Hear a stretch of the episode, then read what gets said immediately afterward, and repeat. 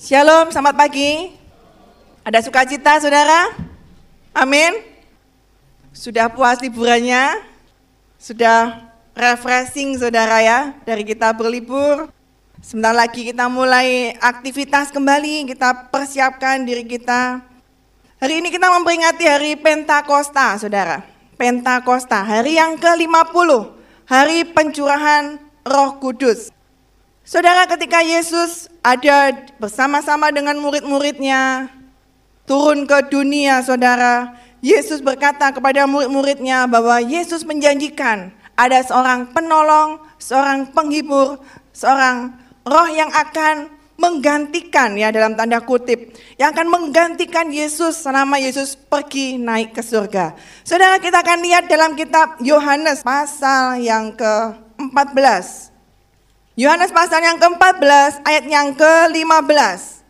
Ini adalah saat-saat di mana Yesus masih bersama-sama dengan murid-muridnya. Yesus berkata kepada murid-muridnya, ayat yang ke-15, Jikalau kamu mengasihi aku, kamu akan menuruti segala perintahku. Aku akan minta kepada Bapa dan ia akan memberikan kepadamu seorang penolong yang lain, supaya ia menyertai kamu selama-lamanya, yaitu roh kebenaran Dunia tidak dapat menerima dia, sebab dunia tidak melihat dia dan tidak mengenal dia. Tetapi kamu mengenal dia, sebab ia menyertai kamu dan akan diam di dalam kamu. 18.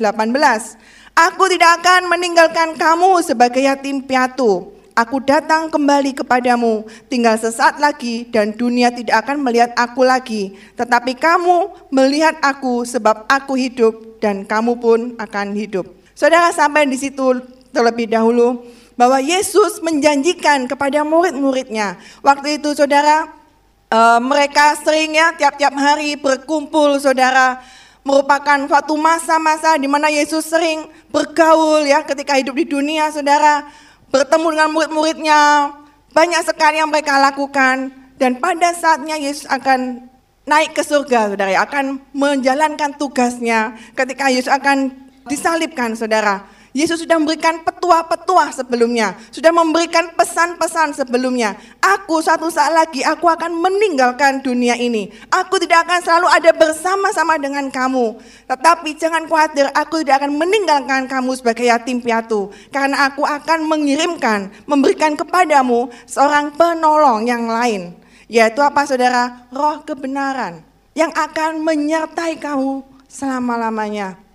Saudara, saya percaya bahwa dalam kekristenan kita, kita mengenal Allah Tritunggal. Allah Bapa, Allah Anak, dan Allah Roh Kudus. Roh Kudus adalah sebuah pribadi, saudara, yang sama dengan pribadi yang lain. Dan kita perlu, saudara, mengenal sebuah pribadi ini, seorang pribadi ini yang luar biasa. Di mana kita sungguh-sungguh, saudara, kita perlu mengalami pribadi ini, saudara. Saudara, sudahkah kita benar-benar mengalami pribadi yang ketiga ini? Pribadi roh kudus, roh kebenaran. Apa fungsi dari roh kudus ini saudara? Kalau dikatakan di sini saudara dalam perikop Yesus menjanjikan penghibur ini saudara. Selalu dikatakan bahwa roh ini yang akan menuntun kamu saudara. Dikatakan di dalam ayat yang ke 26, kita lompat langsung ayat yang ke-26.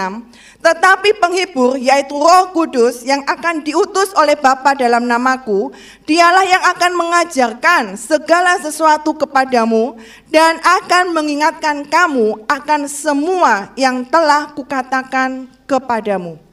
Dulu ketika murid-murid Yesus bersama dengan Yesus saudara, mereka selalu bersama-sama. Ketika murid-murid Yesus mungkin lagi bingung saudara, dia langsung berkata kepada Yesus, Yesus bagaimana guru gini-gini gitu ya. Dan Yesus banyak memberikan perintah-perintah, memberikan banyak saudara hal-hal yang Yesus katakan selama berada di dunia ini saudara. Dan waktu itu ketika Yesus akan naik ke surga, akan disalibkan saudara. Dia merasa, waduh aku akan meninggalkan ini dunia, akan meninggalkan murid-murid. Siapa akan mengingatkan mereka? Siapa yang akan menjawab mereka? Sehingga penghibur ini diutus ke dunia untuk apa saudara? Untuk mengajarkan segala sesuatu kepada kita dan mengingatkan kita ada sesuatu yang Tuhan Yesus pernah katakan saudara, yaitu firmannya. Saudara kita memiliki firman Tuhan, kita memiliki Alkitab saudara. Roh Kudus akan mengingatkan kita, saudara, akan apa yang menjadi perkataan Yesus. Supaya apa? Supaya kita menjadi serupa dengan Kristus. Inilah peranan Roh Kudus, saudara. Roh Kudus ada datang ke dunia, terutama dalam hati kita, saudara. Untuk apa? Supaya kita menjadi serupa dengan Kristus supaya kita diingatkan, supaya kita diajarkan mengenai firman Kristus, mengenai firman Tuhan, apa yang pernah kita dengar, apa yang pernah diajarkan saudara. Saudara kita mungkin sering dengar firman Tuhan, kita ke gereja, saudara, kita datang, kita mendengarkan firman Tuhan, mungkin kita dengarkan khotbah melalui radio, kita mungkin membaca buku rohani atau apa pun yang kita uh, berikan makanan rohani kita, saudara. Seringkali mungkin kita secara tidak sadar, sekedar kita mendengar, tapi kita kadang sering melupakan. Coba minggu lalu khotbahnya apa? Ya, khotbah minggu lalu apa? Lupa saudara ya, apa ya minggu lalu khotbahnya gitu ya. Siapa yang khotbah ya? Oh Bapak Gembala, khotbah tentang apa? Kita mungkin lupa kalau nggak catat saudara. Firman Tuhan itu seperti sebuah energi. Ya, kadang mungkin kita nggak mengingat semuanya itu secara bersamaan. Seperti sebuah makanan. Firman Tuhan seperti sebuah makanan yang kita makan. Mungkin kita lupa kemarin tuh makan apa saudara. Kita lupa. Ayo dalam satu minggu makan apa aja ingat nggak? Ingat-ingat ya. Senin saya makan nasi pagi nasi goreng gitu ya. Siang makan mie goreng, ayam goreng, semuanya goreng-goreng saudara ya. Kita nggak mungkin ingat Senin, Selasa, Rabu makan apa. Tetapi saudara, firman Tuhan itu berguna seperti makanan yang kadang kita nggak ingat saudara. Kita nggak ingat kita makan apa. Tapi saat kita makan, makanan itu akan memberikan energi dalam tubuh kita. Memberikan kekuatan dalam tubuh kita. Itulah fungsi dari firman Tuhan. Demikian juga kita datang ke gereja, kita membaca firman Tuhan. Kita mungkin nggak hafal semua khotbah, ya. Tapi ketika kita mendengarkan firman Tuhan, kita harus belajar menyerap kekuatan, menyerap nutrisi yang ada dalam firman Tuhan itu supaya tidak terbuang dengan sia-sia, Saudara. Dan kita makan-makan bergizi, kita serap firman Tuhan. Oh iya, aku dapat rema. Jadi jangan sampai firman Tuhan itu menjadi sesuatu yang dalam tanda kutip sia-sia karena kita nggak benar-benar kita tangkap rema, kita tanamkan dalam hati kita dan roh kita sehingga roh kudus akan mengingatkan kita kembali pada saat yang dibutuhkan saudara. Akan mengingatkan kita kembali, akan mengingatkan kita akan firman Tuhan, akan perintah-perintah Tuhan pada saat kita membutuhkannya. Mungkin saat kita, saudara, kita sakit, kita mulai diingatkan kembali Bilur-bilur Tuhan Yesus yang mampu menyembuhkan, kuasa Yesus sanggup menyembuhkan. Kita ingat kembali firman Tuhan. Kita ingat kembali janji-janji Tuhan di dalam hidup kita. Saudara, firman Tuhan adalah seperti nutrisi dalam hidup kita. Jangan sampai kita kita datang ke gereja, kita dengar firman Tuhan, kita selalu merasa ah firman Tuhan itu bukan untuk saya. Firman Tuhan itu kok rasanya untuk teman saya, kok rasanya mirip sama teman saya. Wah teman saya itu seperti itu. Saudara, firman Tuhan itu adalah untuk diri kita. Gak usah lihat orang lain. Saudara, roh kudus akan mengajarkan kita, saudara, segala sesuatunya. Roh kudus akan menuntun langkah-langkah kita. Roh kudus akan menyertai kita, saudara. Menuntun langkah-langkah kita supaya kita sesuai dengan firman-Nya. Saudara, di dalam ayat, ayat yang pertama, jikalau kamu mengasihi aku, maka kamu akan menuruti perintah perintahku, segala perintahku. Saudara yang terpenting dalam kekristenan kita bukan hanya kita melakukan rutinitas agamawi, tetapi bagaimana kita menjadi pelaku-pelaku firman Tuhan. Saudara kita menjadi pelaku firman Tuhan, saudara. Kita banyak dengar firman Tuhan, kita mungkin tahu firman Tuhan, kita sudah baca firman Tuhan, mungkin hafal firman Tuhan, tapi sudahkah kita menjadi pelaku-pelaku firman Tuhan? Ini yang terpenting saudara. Sudahkah kita menjadi benar-benar menjalankan setiap perintah Tuhan dengan sungguh-sungguh? Kalau kita berkata, Tuhan aku mengasihi engkau. Tapi jika kita tidak melakukan firman-Nya, Tuhan Yesus katakan, engkau tidak mengasihi aku. Jika engkau mengasihi aku, maka engkau akan menjalankan semua perintah-perintahku.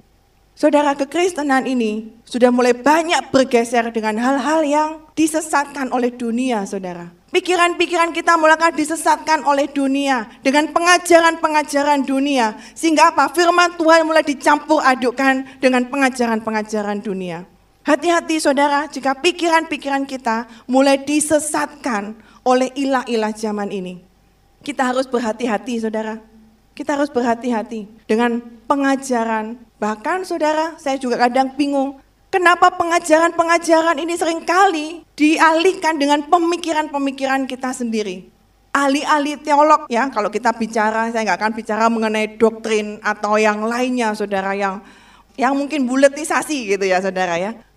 Banyak yang kadang penafsiran-penafsiran Alkitab, penafsiran firman Tuhan ditafsirkan dengan hal-hal yang tidak sesuai dengan Alkitab, saudara.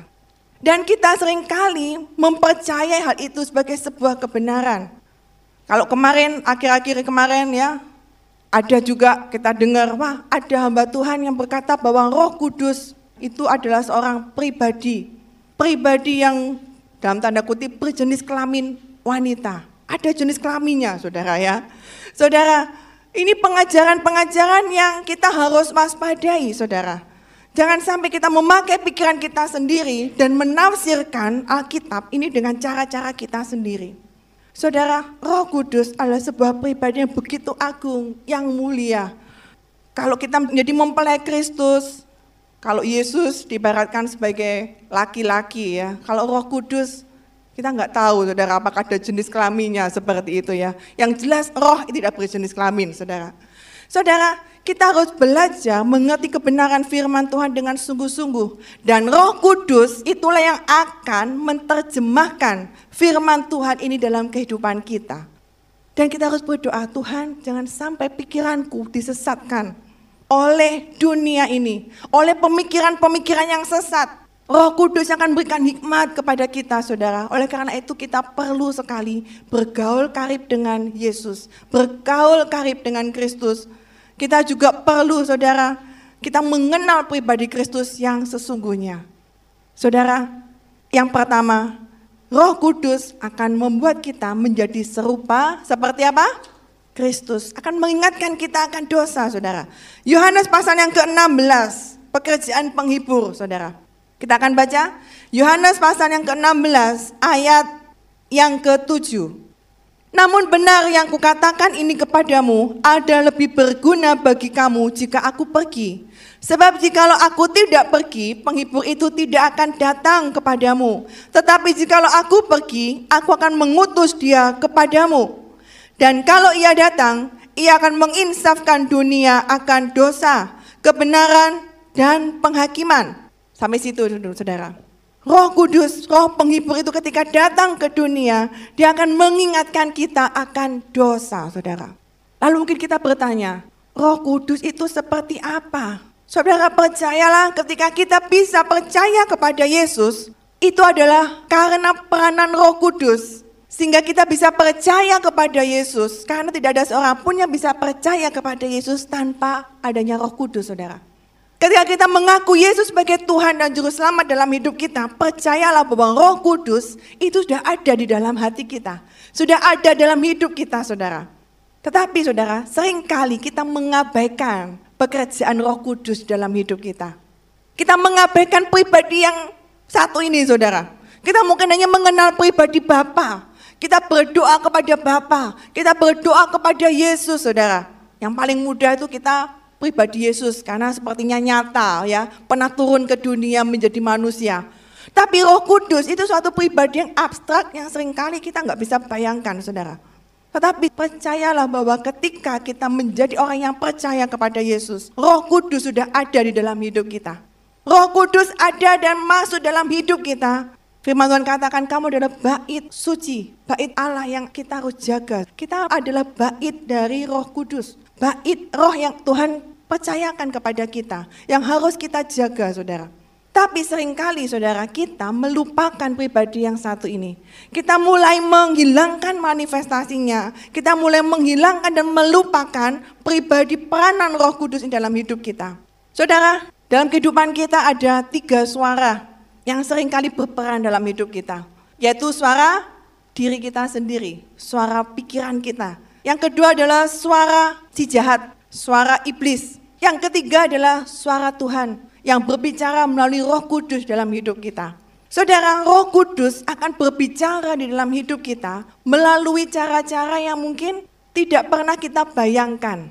Nah, yang suara iblis jelas saudara kita bisa membedakan. Suara iblis adalah suara yang tidak sesuai dengan firman Tuhan. Walaupun dengan perkembangan zaman saudara, iblisnya makin pinter. Karena dia mulai bisa menjadi peniru-peniru yang ulung saudara ya. Peniru-peniru ulung, dia akan berbicara seolah-olah itu firman Tuhan, seolah-olah itu adalah hal yang baik, saudara. Seolah-olah itu adalah hal-hal yang baik, yang nyata, yang lumrah, saudara. Tapi kita harus belajar membedakan suara iblis tidak sesuai dengan firman Tuhan. Karena itu harus belajar. Ketika Yesus dicobai, ya, di padang gurun, Yesus dengan tepat bisa menjawab setiap tipu daya dari iblis, suara-suara dari iblis. Bahwa apa yang dikatakan iblis itu bukan suatu hal yang benar. Walaupun iblis memakai firman Tuhan untuk menjatuhkan Yesus pada saat itu. Saudara hati-hati, firman Tuhan bisa dipakai untuk menjatuhkan kita. Kalau kita nggak sungguh-sungguh kita mengerti firman Tuhan yang sebenarnya. Suara iblis ada suara diri kita sendiri, ada suara pikiran kita ada suara Roh Kudus. Saudara, saya percaya bahwa tiap-tiap hari ketika kita mulai bangun tidur, Roh Kudus ingin ikut beserta kita untuk menjalani tiap-tiap hari kita. Ketika kita bangun tidur, kita berdoa, Tuhan, Roh Kudus, penuhi hatiku, penuhi hidupku hari ini. Aku ingin ya berjalan bersama dengan Engkau. Aku ingin berjalan bersama dengan Engkau. Ingatkan aku akan dosa supaya aku tidak berbuat dosa hari ini. Supaya kita diingatkan bagaimana kita harus bertingkah laku pada hari itu. Bagaimana kita harus melakukan respon-respon sesuai dengan firman Tuhan pada hari itu. Kita perlu roh kudus saudara. Kita perlu roh kudus. Sehingga kita akan disempurnakan hari makin hari. Suara roh kudus ini saudara sering kali mengingatkan kita. Tapi jika kita nggak peka saudara, kita akan hati kita, hati nurani kita itu akan mulai tumpul dan tumpul. Pernah nggak saudara mengalami seperti ada suara roh kudus, suara Tuhan yang berbicara kepada kita? Kita sering mengabaikan atau kita taat pada suara itu saudara. Kita sepertinya kok ada yang nggak enak ya, kok rasanya seperti disuruh berdoa ya.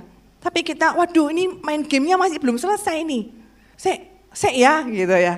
Se, se nanti se. Saudara, pernah dalam satu masa ketika waktu itu saya di kos-kosan, waktu itu masih kuliah saudara ada tiba-tiba ada suatu gerakan yang begitu kuat. Ayo berdoa, ayo berdoa. Saya nggak tahu kenapa kok disuruh doa. Ayo berdoa gitu ya. Walaupun saya waktu itu masih sibuk ngejain apa gitu ya, kuliah atau yang lain. Tapi saya mau belajar taat. Ya, aku mau berdoa. Dan ketika saya berdoa saudara, hadirat Tuhan begitu luar biasa. Saya nggak tahu kenapa, waduh, merasakan hadirat Tuhan yang begitu luar biasa. Dan Tuhan mulai menyatakan kasihnya, Tuhan menyatakan kuasanya yang Gak biasanya seperti itu saudara. Kita mau belajar taat kepada suara roh kudus. Mungkin suara roh kudus berkata, Tuhan memberikan panggilan dalam hidup kita. Suara itu ada dalam hati kita.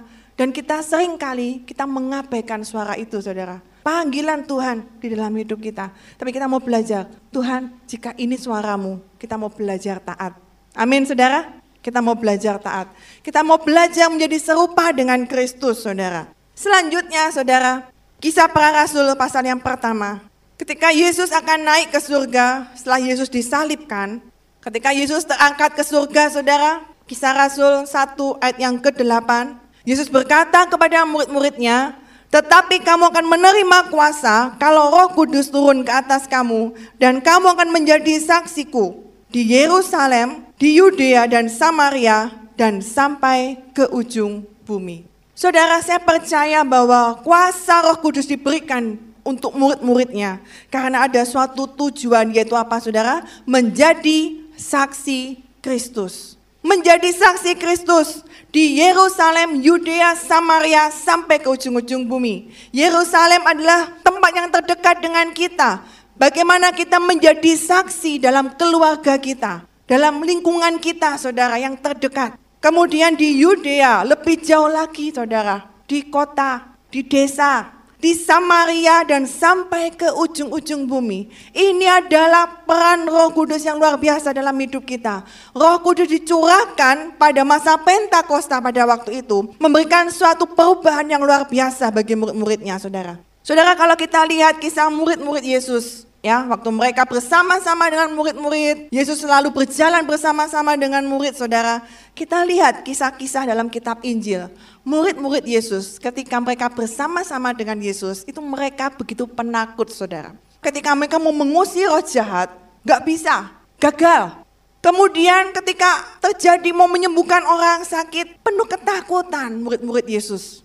Mereka selalu mengandalkan Yesus karena Yesus waktu itu mengajar saudara ya, mengajar. Ayo murid kamu tak ajarin ya, bagaimana nanti engkau aku menjadi saksi. Dan kita lihat saudara, Petrus yang begitu luar biasa, ya, yang memiliki sifat yang sanguin. Ketika kalau kita lihat dalam kitab Injil saudara, ketika Yesus berjalan di atas air, ketika murid-murid Yesus waktu itu di atas perahu melihat, wah hantu-hantu. Kemudian Petrus ini ya, murid yang mungkin dominan ya di antara yang lainnya. Ketika Petrus melihat ada hantu ini, tapi kok sepertinya kok seperti Yesus ya.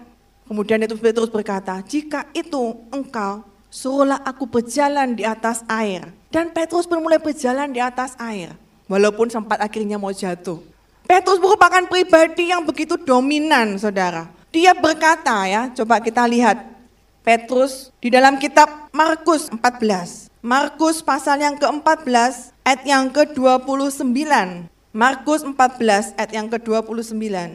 Ketika mereka saudara ya berkumpul bersama-sama Yesus berkata kepada murid-muridnya ayat yang ke-27, lalu Yesus berkata kepada mereka, kamu semua akan tergoncang imanmu, sebab ada tertulis, aku akan memukul gembala, dan domba-domba itu akan tercerai berai. Akan tetapi sesudah aku bangkit, aku akan mendahului kamu ke Galilea. Kata Petrus kepadanya, biarpun mereka semua tergoncang imannya, aku tidak. Lalu Yesus berkata kepadanya, Aku berkata kepadamu, sesungguhnya pada hari ini malam ini juga sebelum ayam berkokok dua kali, engkau telah menyangkal aku tiga kali. Tetapi dengan lebih bersungguh-sungguh Petrus berkata, sekalipun aku harus mati bersama-sama engkau, aku takkan menyangkal engkau. Semua yang lain pun berkata demikian juga. Saudara murid-murid Yesus ya, terutama Petrus yang sering disorot dalam kitab Injil. Mereka berkata, kamu semua akan tergoncang imanmu ketika aku akan disalibkan. Kamu akan menyangkal aku. Saudara Petrus berkata, aku tidak akan sekali-kali menyangkal engkau. Aku tidak akan tergoncang imannya, bahkan lebih sungguh-sungguh gitu ya. Orang yang sanguin itu akan menggebu-gebu saudara ya. Bahkan lebih sungguh-sungguh dia berkata, bahkan apa saudara, sekalipun aku harus mati bersama-sama dengan engkau, aku tidak akan menyangkal engkau. Dan murid-murid yang lain pun berkata, ya, ya kami gak akan menyangkal engkau gitu saudara. Tapi kalau kita lihat saudara, kenyataannya Yesus tahu apa yang akan terjadi pada hari ini, malam ini juga. Ketika aku ditangkap, ketika aku akan disalibkan, engkau sudah menyangkal aku tiga kali. Saudara, Petrus yang kelihatannya saudara merupakan pribadi yang penuh dengan keberanian, pribadi yang pemberani, yang berani mati demi Yesus saudara. Tapi akhirnya kita tahu Petrus pun menyangkal Yesus. Saudara, berapa banyak di antara kita, kita mengikut Yesus, saudara. Ketika pada masa-masa yang penuh dengan kenyamanan, masa-masa yang tidak ada masalah, kita dengan mudahnya kita berkata kepada Yesus, Tuhan, aku akan setia kepadamu. Aku akan mengikut engkau ke mana pun kau pergi. Aku tidak akan menyangkal engkau. Aku akan tetap setia mengikut engkau ke mana pun kau pergi. Ke mana pun kau utus, aku siap. Kita berkata kepada Yesus, sekalipun aku mati bersama-sama dengan engkau, aku siap Tuhan. Itu janji-janji kita saudara. Pada masa-masa kita mungkin tidak mengalami masa-masa sulit saudara. Tapi ketika masa-masa itu dihadapkan di dalam hidup kita, bisakah kita mempertahankan iman kita, mempertahankan perkataan kita, mempertahankan ucapan janji kita, mempertanggungjawabkan perkataan kita di hadapan Tuhan. Saudara Petrus Seorang yang kelihatannya pemberani, tapi dia menyangkal Yesus tiga kali. Bahkan kalau kita lihat murid-murid Yesus yang lain pun, ketika Yesus disalibkan, ya ketika Yesus ditangkap, disalibkan, dan siapa ini yang menjadi murid-muridnya kita akan bunuh. Prajurit-prajurit mencari murid-murid Yesus. Dan mereka bersembunyi, saudara. Mereka bersembunyi, mereka ketakutan. Saudara, mereka ketakutan, mereka akan mati, saudara. Ini berbalik ya. Berbeda sekali dengan apa yang mereka katakan sebelum Yesus ditangkap, saudara. Bahkan murid-murid yang lain berkata, aku nggak akan menyangkal engkau. Aku akan ikut mati bersama engkau, nggak apa-apa. Aku rela mati. Tetapi saudara, Yesus menjanjikan seorang penghibur, menolong roh kudus yang akan dicurahkan kepada murid-murid Yesus pada zaman Pentakosta, kisah Rasul 1 ayat 8. Kamu akan menerima kuasa jika roh kudus turun ke atas kamu. Dan kamu akan menjadi saksiku. Saudara, murid-murid Yesus yang pada awalnya memiliki jiwa yang penakut, memiliki sifat penakut, saudara. Ketika ditinggal Yesus, mereka seperti domba yang ditinggalkan oleh gembala. Tercerai berai, ketakutan. Tetapi ketika roh kudus datang, saudara, roh penghibur itu datang, memberikan kuasa kepada mereka untuk memiliki keberanian, saudara, untuk bersaksi.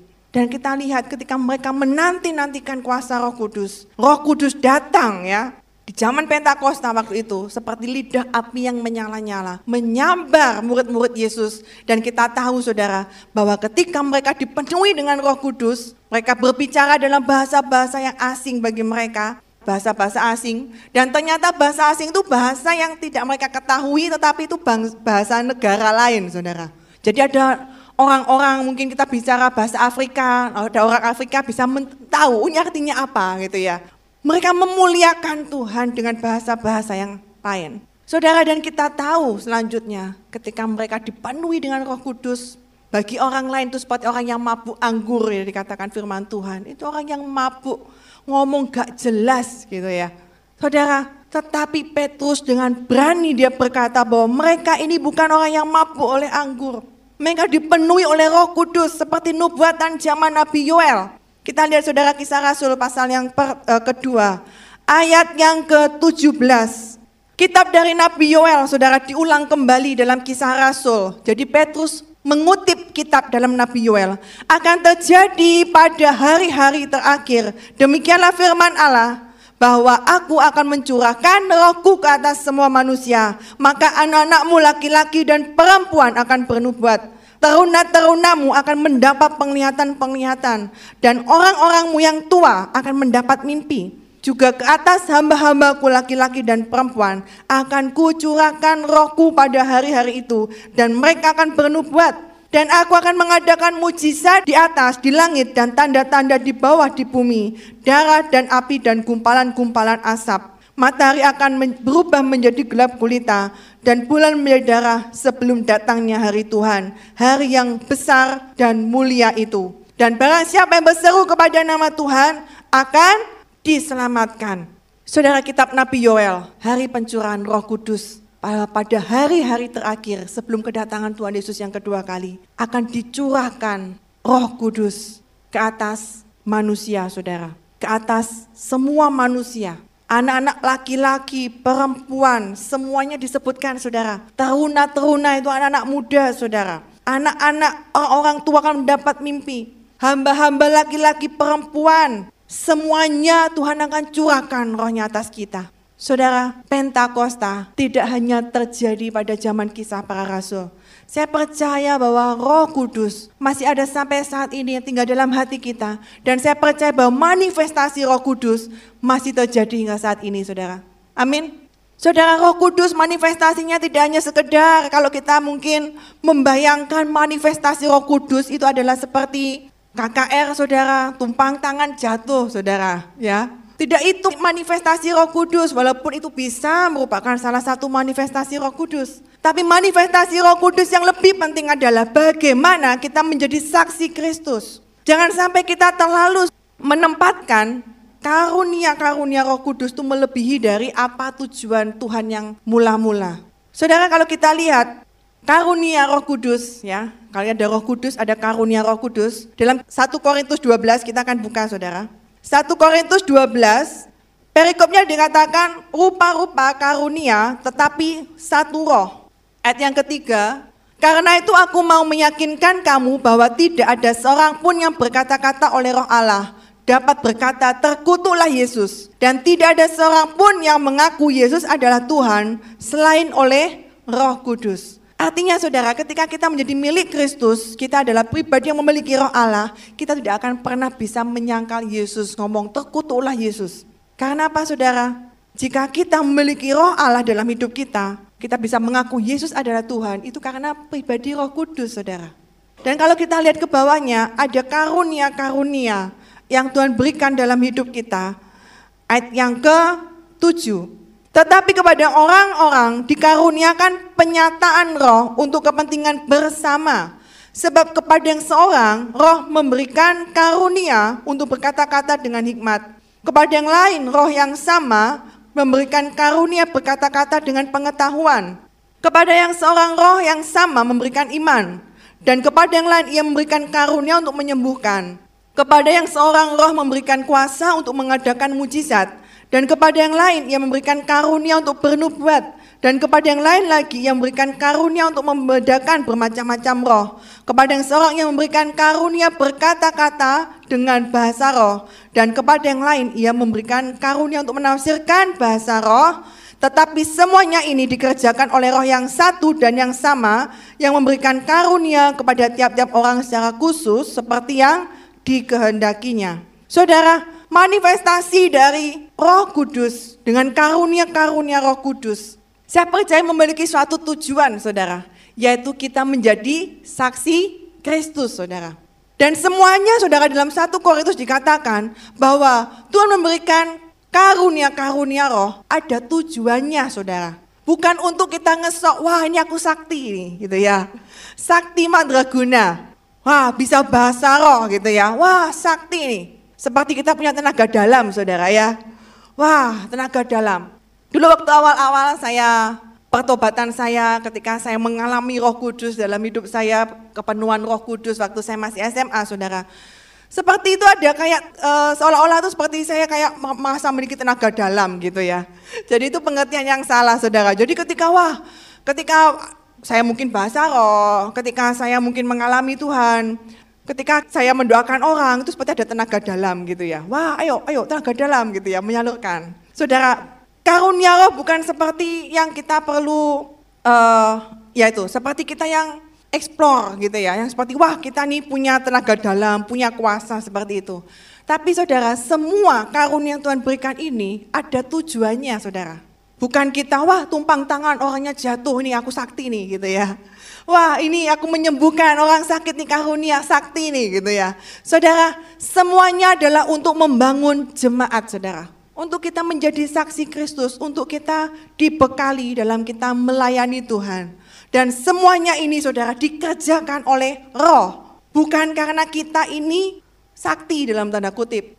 Bukan kita ini rohani saudara. Yang namanya karunia itulah pemberian dari Tuhan. Kita ini nggak nggak layak saudara. Karunia itu pemberian. Kasih karunia itu pemberian. Ya harusnya kita nggak layak tapi kita dilayakkan. Tetapi saudara di dalam pelayanan akhir zaman ini saya percaya bahwa kita membutuhkan roh kudus dalam hidup kita untuk memperlengkapi kita dalam melayani Tuhan, saudara. Karunia-karunia dibutuhkan di akhir zaman ini sebelum Yesus datang kedua kalinya dan kita perlu minta kepada Tuhan. Tuhan berikan aku karunia, berikan aku karunia. Saya percaya bahwa jemaat di tempat ini kita memiliki karunia yang Tuhan akan berikan buat kita. Mungkin itu karunia berkata-kata dengan hikmat. Kata-katamu penuh dengan hikmat. Ketika ada teman kita yang mengalami kesulitan, mengalami kesusahan, engkau punya karunia saudara. Engkau memiliki hikmat yang luar biasa. Itu karunia roh saudara. Kita harus mulai gali, Tuhan karunia apa yang kau berikan padaku? Dan kita perlu minta itu kepada Tuhan untuk tujuannya apa saudara? Untuk kita boleh melayani Tuhan. Melayani saudara-saudara kita menjadi saksi Kristus saudara. Mungkin itu karunia berkata-kata dengan pengetahuan. Memiliki pengetahuan yang luar biasa. Ya, jadi wah kok serba tahu gitu ya. Wah semuanya tahu, bisa jelaskan dengan luar biasa. Bisa menjelaskan segala sesuatu ini dengan detail, dengan jelas, sesuai dengan kebenaran firman Tuhan. Itu karunia pengetahuan saudara. Ada yang memiliki karunia memberikan iman. Ketika ada temannya yang kesusahan, itu sepertinya kita bisa memberikan kata-kata yang membangkitkan iman saudara. Ya, seperti motivasi, iman. Nah, kemudian karunia untuk menyembuhkan orang sakit. Saudara, saya percaya bahwa karunia-karunia ini tidak hanya diberikan untuk orang-orang yang seperti hamba Tuhan, penginjil, saudara. Ya, yang kelihatannya, wah itu untuk orang-orang yang seperti itu. Saya nggak mungkin bisa. Saudara kita bisa, karena ini firman Tuhan nggak ada ngomong ini hanya untuk hamba Tuhan. Untuk semua murid-murid Kristus, pada tiap-tiap orang saudara, akan diberikan karunia ini. Menyembuhkan orang sakit. Saudara, di akhir zaman ini saya percaya penginjilan bisa dilakukan melalui manifestasi roh kudus. Ketika kita menyembuhkan orang sakit dan orang lain itu sembuh, dia mulai percaya kepada Yesus. Ada banyak cara saudara untuk membawa jiwa-jiwa datang kepada Tuhan. Saudara, saya percaya Voice of Healing tidak lama lagi akan kita mulai doakan, mulai kita rintis saudara Voice of Healing, apotek. Selain itu juga kita mau ada tim doa ke rumah sakit-rumah sakit, karunia untuk menyembuhkan. Keberanian yang kudus saudara ya. Kita berani, kita percaya kita punya kuasa karena Roh Kudus sudah dicurahkan dalam hidup kita. Kita percaya kitab Nabi Joel, pada akhir-akhir hari-hari terakhir Tuhan akan mencurahkan Roh Kudus buat kita dan kita akan diberikan kuasa untuk mengadakan mujizat-mujizat Saudara. Ya, termasuk menyembuhkan orang sakit, mengadakan mujizat, karunia untuk bernubuat. Karunia untuk bernubuat. Saudara karunia bernubuat kalau kita baca di kitab Korintus itu bukan sekedar nubuatan seperti seorang nabi saudara. Weh kamu akan jadi istriku gitu ya. Weh kamu akan uh, tidak lama lagi kamu akan punya jodoh gitu enggak saudara ya. Nubuat kayak pramal itu bukan. Karunia bernubuat kalau kita lihat di sini ya saudara kita ada di kisah Rasul saudara pasal yang ke-14. Itu seperti berkata-kata saudara. Karunia berkata-kata. Saudara bisa baca sendiri dalam pasal 14 itu dibedakan antara karunia berbahasa roh dengan karunia bernubuat. Banyak dibahas di sana. Kalau bahasa roh itu kan kita ngomong orang lain nggak tahu. Ya, bahasa roh, lalalana gitu ya. Kita nggak tahu orang lain. Jadi Rasul Paulus berkata, daripada engkau berkata-kata dalam jemaat yang orang lain nggak tahu, lebih baik engkau berkarunia nubuat, lebih baik engkau mengeluarkan nubuat nubuat ya saudara ya. Nubuat itu mengatakan sesuatu, mengucapkan berkat. Nah seperti itu, mengucapkan berkat. Jadi dalam kita jemaat, kita mengucapkan berkat.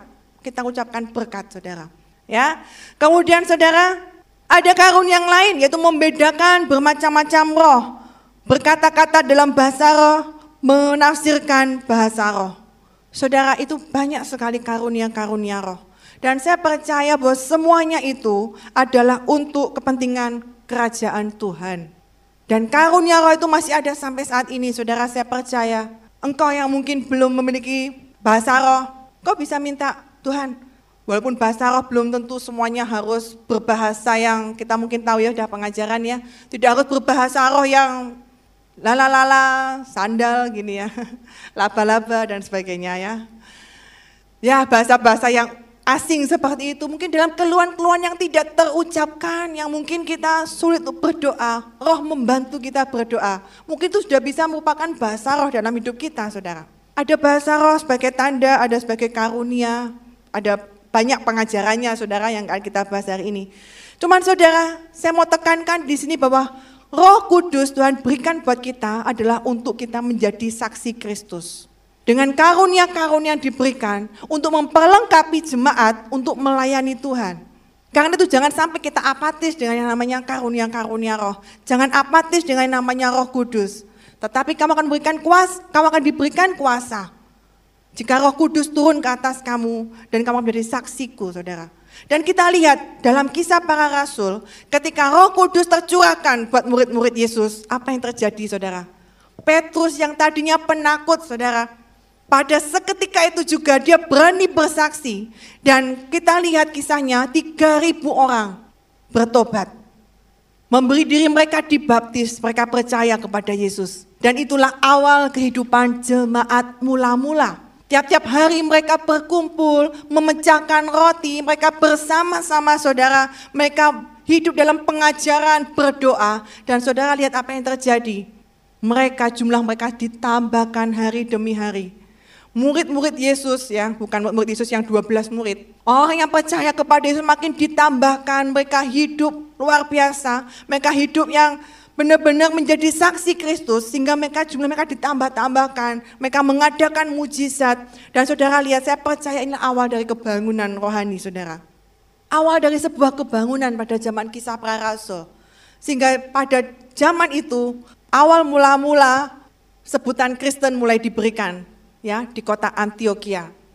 Saudara dan kau lihat dalam kisah para rasul mungkin saudara bisa baca di rumah apa yang terjadi setelah Pentakosta ini terjadi. Murid-murid Yesus berani bersaksi. Murid-murid Yesus berani menyembuhkan orang sakit, mengadakan mujizat.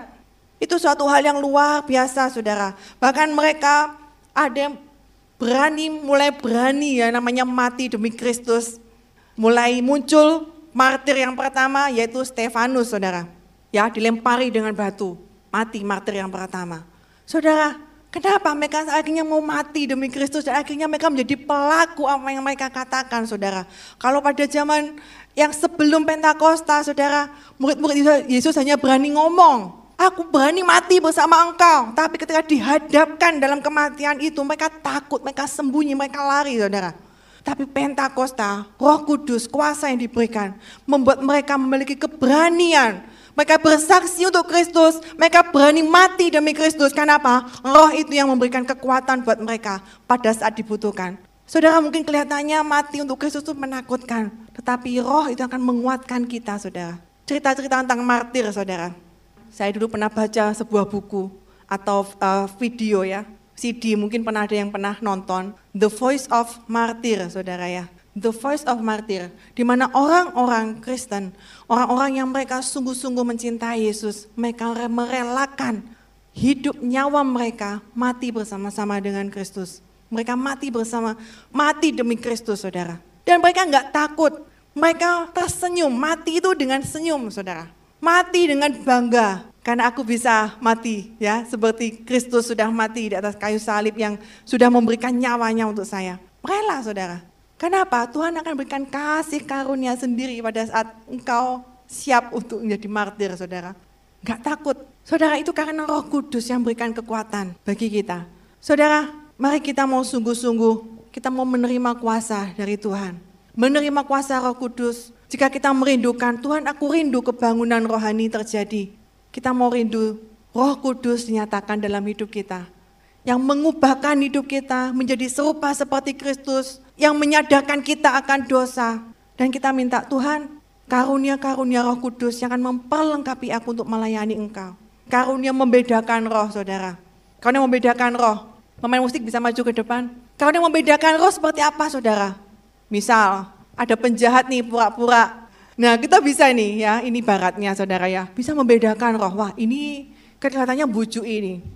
Kelihatannya baik, tapi ternyata ini pembohong. Nah, seperti itu.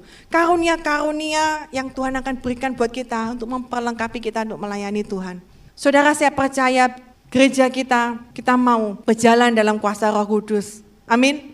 Jangan membatasi kuasa Roh Kudus. Bagi engkau yang mungkin kita punya bahasa roh, saudara, ketika kita berdoa, jangan takut-takut kita juga berdoa dalam bahasa roh. Enggak apa-apa, itu enggak sesat, saudara.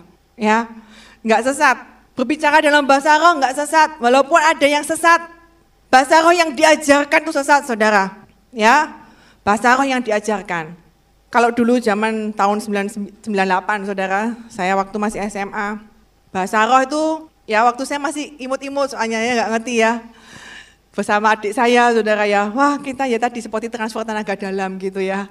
Ayo doa gitu ya, tumpang tangan, doa gandeng tangan, transfer bahasa roh gitu ya. transfer bahasa roh gitu ya. Bahasa roh kencang-kencang supaya transfer gitu ya saudara. Supaya dia ikut bahasa roh. Bahkan saya dulu waktu dapat bahasa roh yang pertama, saya nggak ditumpang tangan, saya nggak diapa-apain. Saya doa dalam persekutuan bukan dalam sebuah KKR saudara. Tapi persekutuan kecil waktu itu. Persekutuan hanya cuma 10 orang saudara dengan teman-teman saya teman-teman gereja, kita berdoa bersama-sama, tidak zaman momen Pentakosta juga pada waktu itu, tidak memperingati Pentakosta yang kita minta. Kalau zaman dulu saya di gereja saya yang lama saudara, kita ada doa 10 hari menanti roh kudus gitu ya. Jadi 10 hari kita berdoa, kita meminta roh kudus seperti itu ya. pencurahan roh kudus. Saudara, nggak dalam momen-momen yang tertentu. Tapi Tuhan bisa memberikan bahasa roh pada waktu itu yang berdasarkan pengalaman saya tidak melalui acara tumpang tangan, tidak melalui acara KKR yang besar, tidak dengan acara yang lain-lain. Tapi Tuhan bisa berikan, saudara. Saudara, Tuhan bisa berikan kuasanya kepada kita. Roh Kudus sudah tinggal dalam hati kita. Tetapi kita mau belajar minta kepenuhan roh kudus. Dipenuhi dengan roh kudus, saudara. Beda ya. Kalau roh kudus itu sudah tinggal dalam hati kita, kita sudah punya roh kudus, saudara. Tapi kita mau selalu dipenuhi dengan roh kudus. Ketika kita dipenuhi dengan roh kudus, roh kudus bermanifestasi dalam hidup kita. Bukan hanya melalui bahasa roh maksud saya ya. Tapi kita benar-benar mengalami perubahan dalam hidup kita. Kita memiliki kuasa dalam hidup kita. Maka hidup kita akan berubah. Api, roh kudus seperti api. Api yang membakar hati kita, membakar hidup kita. Sehingga kita akan membakar orang lain di sekeliling kita dan menjadi saksi Kristus. Dan saya percaya kebangunan rohani tidak lama lagi akan terjadi saudara. Amin. Kita mau berdoa bersama-sama.